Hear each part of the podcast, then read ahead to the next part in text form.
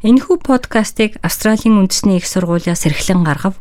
За сонсогч та бүхэндээ энэ өдрийн халуун мэндийг хүргэж байна. За манай энэ удаагийн нэвтрүүлэг эхлэхэд бэлэн болсон байна.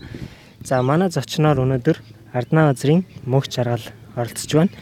Сидней хотод амьдарч байгаа монголчууд ерөнхийдөө Vodafone-д ажилладаг Movi гэдгээр нь сайн таньдаг бах те.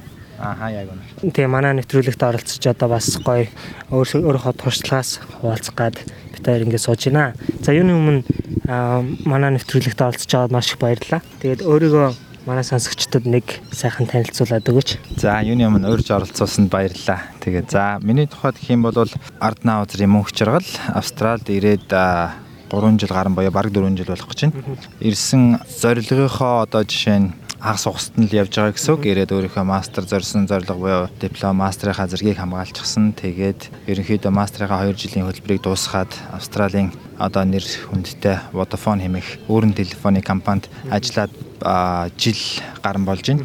Тий. За Vodafone ямар ажил хийдэг вэ? Ажиллахад ямар байна? Одоо ер нь бол анх Orange гэж байсан. Тэрнээс хойш одоо Vodafone нэртэйгээр одоо үйл ажиллагаа явуулж байгаа.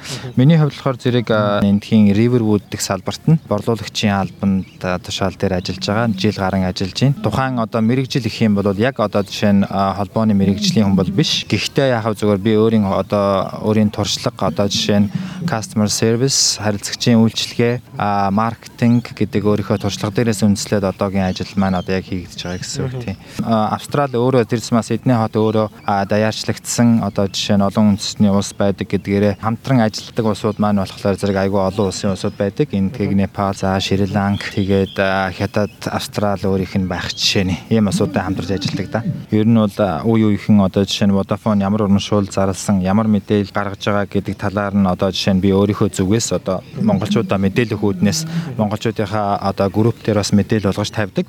Та бүхэн бүгд мэдж байгаа өөрийн телефоны компани Үндсэн үйлчлэгээ нь бол гар утас зарах. Дээрээс нь утсан үйлчлэгээ болох одоо жишээ нь дараа төлбөр дугаар, урдсан төлбөр дугаар гэдэг эдгээр үйлчлэгээнүүдийг ер нь бол үйлчлэгчтэй хүргэдэг. Тий. Тэгээд ер нь бол Австралид дөнгөж ирээд манайхан бүгд одоо жишээ нь гол хэрэглээ болох утасны хэрэглээ байдаг.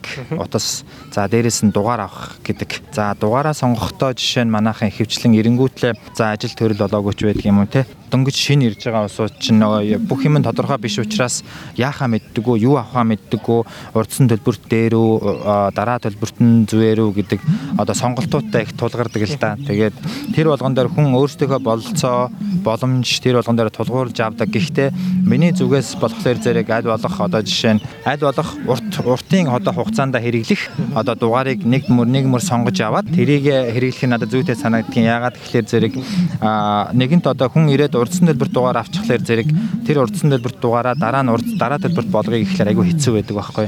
Тэгээд дараа нэгэнд удаан хэрэгэлсэн дугаараа солиё гэхлээр тухайн хүнд тэр дугаараа одоо жишээ нь солиход айгүй хэцүү байдаг. Шинэ дугаар одоо шинэ дугаараа авах гэсэн үг байхгүй дараа төлбөрт болгоно гэдэг нь. Тэгэхээр тэр болгоноос одоо жишээ нь зайлс хийхэд тулд аль болох хурдан одоо дараа төлбөрт дугаараа аль болох хурдан аваад тэрийг одоо уртын хугацаанд хэрэглэх нь одоо бол зүйтэй гэж би бодоод санагддаг санагддаг байхгүй. Яг миний харж байгаагаар яг одоо та бид бүгд онгоцны буудлын дээр буухлаарэ зэрэг одоо бидний хувьд оюутан одоо урт хугацаагаар одоо амьдрах гэсэн хүмүүс болохоор тэр болгон онгоцны буудлаас дугаар авч харагддаггүй. Яа тэгэхээр тэр үйлчлэгээ бол их хөвчлэн нөгөө урдсан төлбөр дугаар буюу энэ богино хугацаагаар жуулчлаар ирж байгаа улсууд ерөнхийдөө тэнд одоо өөрийнхөө хэрэгцээнд одоо хангасан үйлчлэгийг буюу урдсан төлбөр дугааруудыг авдаг. Бидний хувьд болохоор зэрэг яг онгоцноос буугаад тэгээд яг хоёр анзал байдаг л да. Ирээд нөгөө шууд зүгээр дараа төлбөр дугаар аваад тэгээд өөрийнхөө боломж бололцоод бүрдсэн үедээ гар утас планаар авъя гэсэн хүмүүс байдаг. Нэг бол шууд ирээд одоо боломжтой за би ерөөсө Монгол байсан утсаа одоо жишээ нь Монгол төвшөлтэй гадаадад одоо утсаа орхиж ирээд энэ дээрээс утас авна гэсэн сонирхолтой хүмүүс бас би ирдэг.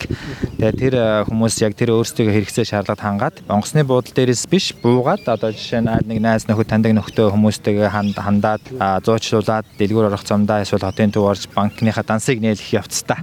Ер нь бол утасныхаа дугаарыг утасныхаа планыг авдаг байгаа. Австралид болохоор зэрэг ерөнхий үндсэн том 3 компани байдаг. Эхнийх нь хамгийн том буюу Telstra, Эндхийн Австралийн компани. Дараагийнх нь Optus буюу бас эндхийн бас нэг том компани. Vodafone болохоор зэрэг эндхийн 3 дахь том компани гэж явдаг.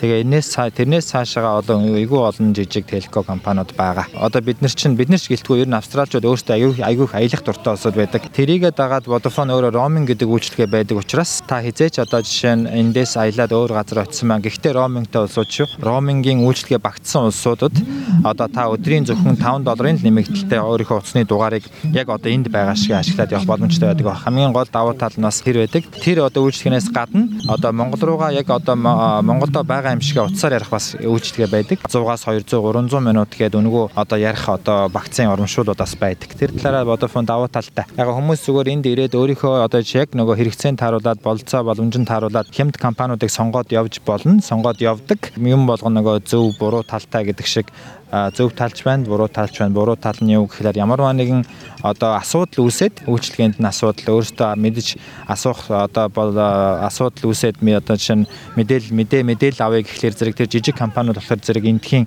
яг нөгөө салбар одоо боловлуулалтын төв гэж байдаг учраас зөвхөн одоо жишээ нь customer care буюу утасны одоо шугамар холбогдож асуудлаа шийддэг. Тэр болгон бид нөгөө хэлний бэрхшээл за харилцааны одоо харилцах тал дээр жоохон хэцүү учраас тэр болгон дээр бид нэр өөрсдөө нөгөө хохирол амсаад явдаг гэх юм уу. Тэгэхээр одоо миний хувьд аль болох хүндтэй том компанийг сонгоод аль болох борлуулалтын цэгүүттэй салбар дээр очиж үйлчлэгээ аваарай гэж зөвлөхөөр байна. За гар утас одоо лизингээр авдаг шүү дээ тий.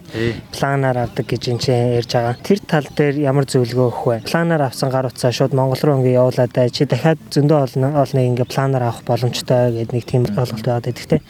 Тэр тал дээр ямар хөө зөвлөгөө өгөх? Аха. За энд э, одоо компани болгон одоо миний хэлсэн тэр гурван том компани ерөнхийдөө энд утасны одоо жишээ нь планы үйлчлэгийг үзүүлдэг. Цагаач буюу бидэнд одоо оюутан бидэнд болохоор зэрэг үндсэн шалгуур нь болохоор зэрэг та 12 сараас дээш хугацааны визтэй байх хэвээр. Тэгээд та хэрвээ аль нэг салбар дээр очиж үйлчлэгээ авах гэж байгаа бол та гадаад паспортаа дээрээс нь оюутныхаа урилга буюу CEO-г авчрах хэвээр.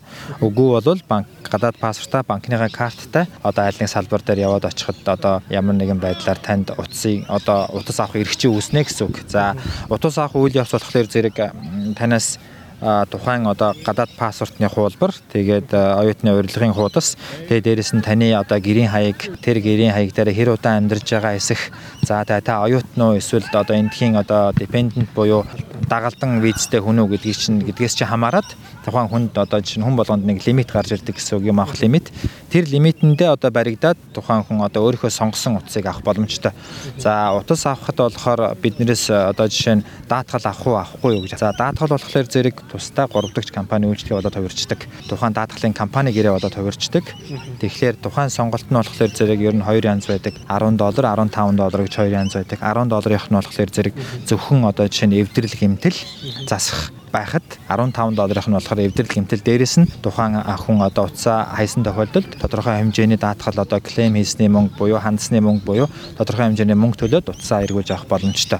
Яг биднэрт зүгээр биднэрч гэлтгөө ер нь бол Австрали өөрөө айгүй олон үндэсний айгүй олон хүмүүс суусан улс гэдгээр одоо сайнтай муутай айгүй зөндөөл юм байна те. Тэгэхээр яг тэр даатгалын үйлчлэгийг зөвөр буруугаар ашиглах гэсэн айгүйх тохиолдлууд айгүйх одоо кейсүүд байдаг. Тэр кейс болгон дээр Монгол одоо жишээ нь Араб, Либан, Хятад, Австрали нь байна уу хамаагүй бүгд одоо тэр асуудал ер нь бол сөхөгддөг, үүсч гарч ирдэг. Тэгэхээр манайхан донд нэг ойлголт байдаг Монгол монголчуудад утасны даатгал үйлчлэхгүй гэж тэр бол ер нь бол худлаа. Яагаад тэгэхээр хүн болгоно тэр даатгал үйлчлэх ёстой. Ер нь бол гэхдээ ямар нэг миний хийснээр нөгөө буруу талаараа хийгдсэн кейсүүд айгүйх нөгөө зөв одоо жишээ нь яг санамсаргүйгээр уцаа хийцэн үннээсээ илүү байдаг учраас тэрэндээ айгүйх дарагддаг байхгүй. Тэгээ тэр кейс одоо жишээ нь баталгаажихгүй одоо жишээ нь тухайн харилцагч уцаа авахгүй байх бас эрсдэл бас их байдаг байхгүй. Тэгэхээр тэр ойлголт бол ер нь бол байдаг. Тэгэхдээ хүн болгонд одоо жишээ нь эрх тэгштэй даатгалын компани үйлчлэх ёстой. Зарим салбарууд болохоор зэрэг манайхан яваад орохлоор зэрэг танаа одоо даатгал өгөхгүй ч байдаг юм уу те. Тэгж хэлдэг гэж сонссон. Тэр бол ер нь буруу ойлголт. Та өөрөө би даатгал авмаар байна гэж хэлээ даатгалаа авах нь таны эрхийн асуудал учраас та даатгалаа авч болно. За дээрэс нь би бас нэг юм хэлмээр санагддаг. Айгүйх нөгөө буруу үйлчлэгээ авцсан байдаг байхгүй юу? Тийм буруу үйлчлэгээ гэдэг нь өөртөө айгүй тийм хохиролтой үйлчлэгээ авцсан байдаг. Хүн айгүйх нөгөө мэдхгүйгээсээ болоод айгүйх алдсан байдаг байхгүй. Жишээ би нэг жишээ яриа л да. Тэр жишээ болохоор зэрэг нэг хүн над дээр ирсэн. Тухайн хүн одоо жишээ нэг салбараас очиод дугаараа авцсан байгаа. Тэгээд дахиад очиод тэр газараас очиод ингээд би утас авах юм аа гэсэн утас авах юм аа утас авах гэсэн юм аа гэсэн чинь тухайн салбарын ажилтан таны дугаар дээр утас авч болохгүй юм байна. Та шинээр дугаар авах юм байна. Тэгээд тэр хүн шинээр дугаар авангуутлаа тэр шүн тэр дугаар дээр нь утас өгсөн байгаа. Тухайн хүн хоёр дугаартай ямар шаардлагагүй байхгүй. Тэр хүн зүгээр очиод өөрийнхөө дугаар дээр утас авч болох юмыг тухайн ажилтан өөрийнхөө одоо ашиг сонирхлын одоо ашиг сонирхлыг илүүд тавиад харилцагч биш. Тухайн хүн зүгээр илүү нэг дугаар дээр утас өгсөн байгаа. Тэгээд тухайн хүн тэр өөрийнхөө байгаа хуучин дугаараа хаахын тулд тэр нь 12 сарын гэрээтэй учраас мөнгө төлөх болчихдог баг. Энэ мэдчлэн агиух нөгөө агиух нөгөө мэдээлэл буруу авснаас болоод агиух санхүүгийн хувьд өөрийнхөө сэтгэл санааны хувьд агиу хохирол учирсан байдаг.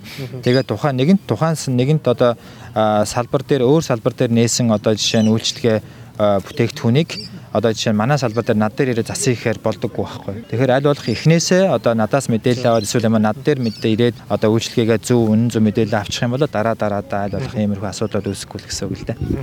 Тэр бас хоёлаа ярьжсэн шүү дээ. Өглөөний 6 цагт, оройн 10 цагт ч юм уу монголчууд бас холбогддог гэдэг чийсэн. Тэрэн дээр ер нь цагийн хязгаарлалт байд юм уу? Гэхдээ яг зүгээр би нөгөө анханасаа бас жоохон одоо юу гэдэг юм те буруу гэх юм уу зөв гэх юм уу мэдэхгүй нэ өөрийнхөө ховийн дугаарыг нөгөө зар дээрээ тавьчихсан би ингээд ингэ Vodafone ажиллаж эхэлж байгаа шүү та бүхэн одоо мэдээлэл аваарай гэд 7 өдрийн 24 цаг ажилладаг гэж боддгийн шүү. Айгүйх над руу хандна л да. Гэхдээ тэр нь ч аргагүй бах тэр нь ч одоо зөв бах а яг нөгөө жишээ нь бид нар чинь яг төгс одоо англи хэлтэй болцсон биш те. Яг нэгэн байдлаар 100% ойлголцохгүй учраас ямар нэгэн байдлаар хүн өөрөө асуух зүйл их гардаг. Тэгвэл аль болох одоо жишээ нь хүн хэлсэн байдаг штэ хүн өөрийнхөө хэрэгцээнд тааруулаад хүн рүү залгаад авах биш тухайн хүнийг бас завтай завгүй байна уу гэдгийг харж үзэж байгаа залгаарай гэд айгүй их залгадаг байхгүй. Тэгээд яг яатсан болоо бүр болохгүй болол залгаж энэ гэд эргээд тэр хүн рүүгээ залгахлаар зэрэг айгүй энгийн юм асууж яадаг те. Тэгэхээр нэг залгаад юм уу эсвэл мессежэд үлдээчихэд би эргээд хариу хэлдэг байхгүй мессежээр холбогдох нь бас зөв сонголт болж таарах тийм мессенжерээр холбогдоход би эргээд ямар нэгэн байдлаар завтай үедээ хариу хэлнэ гэсэн үг тий. За маш их баярлалаа. За баярлалаа. За баярлалаа та бүхэндээ. Тэгээд надаар үйлчлүүлдэг, надаар үйлчлүүлж байгаа, надаар үйлчлүүлж байгаа бүгдэндээ бид баярлалаа гэж хэлье. Тэгээ бүгдэнд нь сайн сураад зорсноо биелүүлээрэ. Австрали улсад байгаа бусад монголчуудтайгаа холбогдоорой. SBS.com.cg юу урагшаа зураас Mongolian хуудасаар зочлоорой. Монгол өв уламжлал Монгол гэсэн өрмөц онцлогоо бид хэрхэн хадгалах вэ? Австралийн тэргуулах зэргийн их сургууль болох Австралийн үндэсний их сургууль нь монгол хэлний онлайн курсыг танд санал болгож байна. Монгол хэлийг сурснаар танд өөрийн сурлага, ажил мэргэжилдээ цааш дахин дэвших боломж гарах болно. Монгол хэлийг бүх шатнд сурч болохоос гадна та хаанч амьдардаг байсан зайнаас сурах боломжтой юм. 2020 оны эхний улирлын эсэлд 12 сард эхлэх болно. Дэлгэрэнгүй мэдээллийг Asia Pacific цэг, ANU цэг, EDU цэг, AU зураас Languages холбоосоор орж авна уу?